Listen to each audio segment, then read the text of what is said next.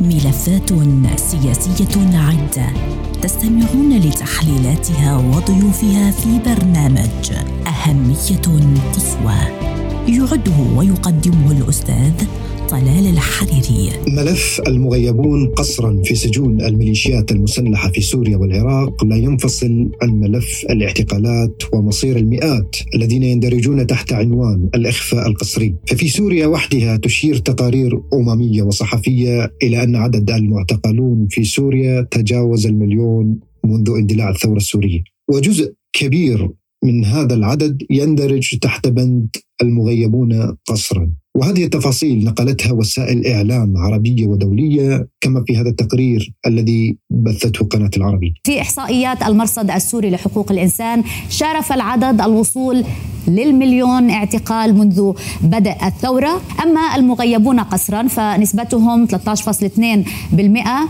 بمجمل 128 الفا. هذه الإحصائيات تضاف إليها شهادات عديدة تؤكد هذه المأساة المستمرة في سوريا. الظلم في الأمر إني مجهولين، مجهولين ما تعرفي شيء لو ميت اخذتي حسبتك الله، أو لو مزون بتعرفي بتسعي فيه بتقولي سجن ما بسكر حدا، بس هو هون إني مجهولين هي حرقة القلب، مجهولين مظلومين ومجهولين، وحسبي الله ونعم الوكيل.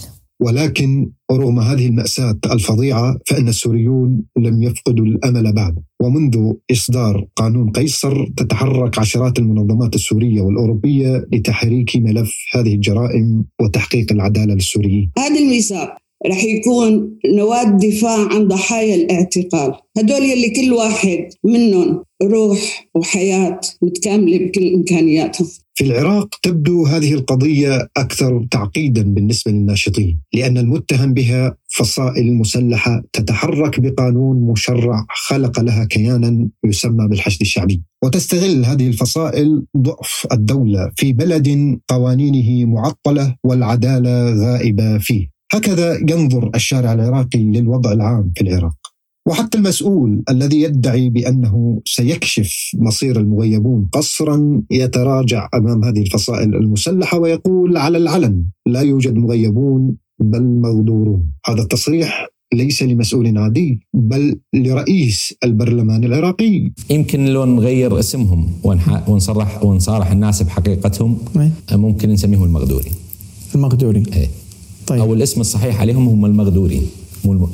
المغدورين فارقوا الحياة.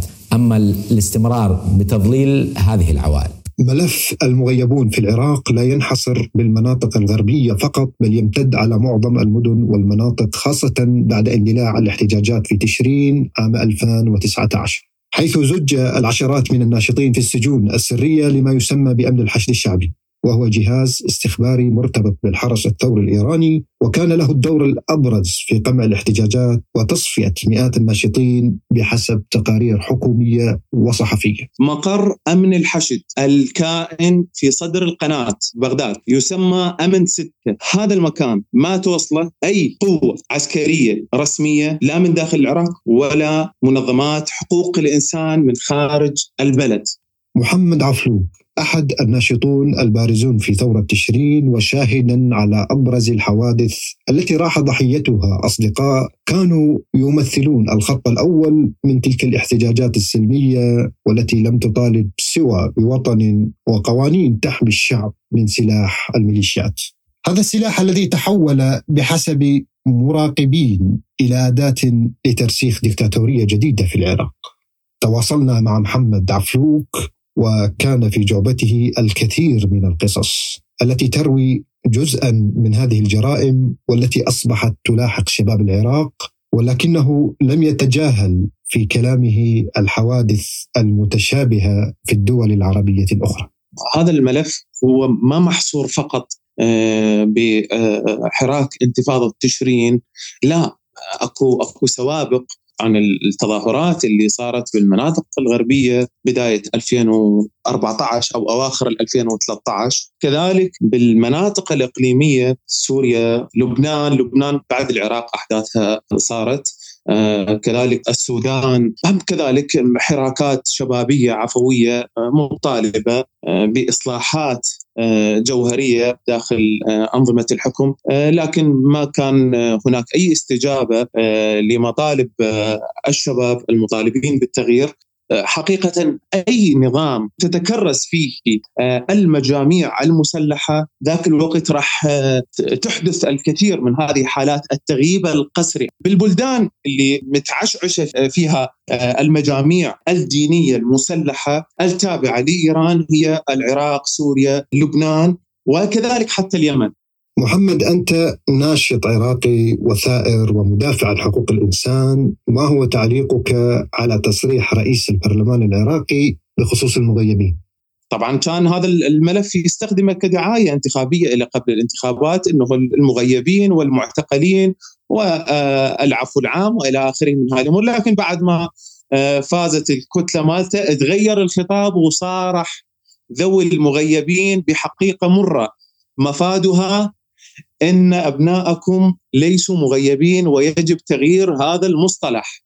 أبناءكم مغدورين مقتولين وتم تغييب جثثهم هذا تصريح خطير جدا من رئيس الحكومة التشريعية في العراق ويجرنا إلى تساؤلات كثيرة. منها من من هو الطرف المعني بتغييب وقتل هؤلاء المطالبين بالتغيير هؤلاء الشخوص الرافضين لسياسة النظام الحاكم عفوا آه، أستاذ محمد عفلوك وأنت ناشط وتشريني والآن تعيش لاجئ في كردستان العراق.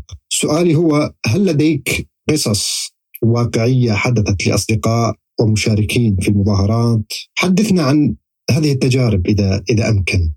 ثورة تشرين وما رافقها من من كواليس بصراحة مريرة وبشعة. خلي نجي من آخر حدث معلن لأحد الأصوات الاحتجاجية التشرينية الأستاذ والصحفي باسم الزعاج. هذا الصحفي قرر أن يروح يغطي هاي التظاهرة عبر بث مباشر على صفحته الشخصية وهذا البث موجود واني أحتفظ بنسخة من عنده. أثناء التغطية فجأة هجموا عليه جماعات وهذول الأشخاص إحنا نعرفهم كل زين هم مجاميع ومنضوين تحت مسمى هيئة الحشد الشعبي اعتقلوا هذا الرجل وأختفى باسم الزعاق من لحظة اعتقاله الموثقة وأني أحتفظ بنسخة من هذا التصوير. الجهة اللي اعتقلتها أثناء البث المباشر هي أمن الحشد وعندهم تفاصيل وملفات أكثر من من الجهات الاستخباراتية التابعة لوزارة الداخلية وأكثر حتى من جهاز المخابرات العراقي. وين انتهى مصير باسم الزعاق الأغلب يقول وأني أرجح هذا الاحتمال أن باسم خلال الأيام الأولى من اعتقاله أثناء التعذيب فارق الحياة. قتل كذلك أيضا عندنا قضية المحامي الشاب علي كاسب وهاي صارت حدث يعني حتى الكلام آه، المكرر بها صار آه، دون جدوى هو وسجاد العراقي. هذول نفس المصير. هم اللي اعتقلتهم اللي اختطفتهم هي جهات معروفة. بالنسبة لعلي كاسب اللي اختطفه آه، أنصار الله الأوفياء. ميليشيا أنصار الله الأوفياء. عندي معلومة معلومة أستاذ طلال. راح أنطيك إحداثيات عن مكان هذا المكان كان مختطف بأحد أصدقائي من أصحاب المنظمات المدنية مقر أمن الحشد الكائن في صدر القناة بغداد. يسمى أمن ستة. هذا المكان ما توصله أي قوة عسكرية رسمية لا من داخل العراق ولا منظمات حقوق الإنسان من خارج البلد. هذا المكان هو أشبه بمعتقل سري يتم تغييب وتعذيب واستجواب الشباب والإعلاميين والناشطين اللي يتم اختطافهم هذا صديقي اللي كان كان مختطف. في هذا المكان حكالي أسرار وأمور فظيعة جدا أستاذ طلال، طريقة التعذيب وابتزاز المعتقلين أو المختطفين بذويهم بنسائهم بشرفهم يندى لها الجبين. العراقيون لم يتوقفوا عن الحراك القانوني. ورغم تشكيل حكومة موالية للميليشيات كما يراها مراقبون فإن الإرادة العراقية لم تخضع للواقع. وما تزال ساحات الحرية تنبض بشعارات العدالة والتغيير.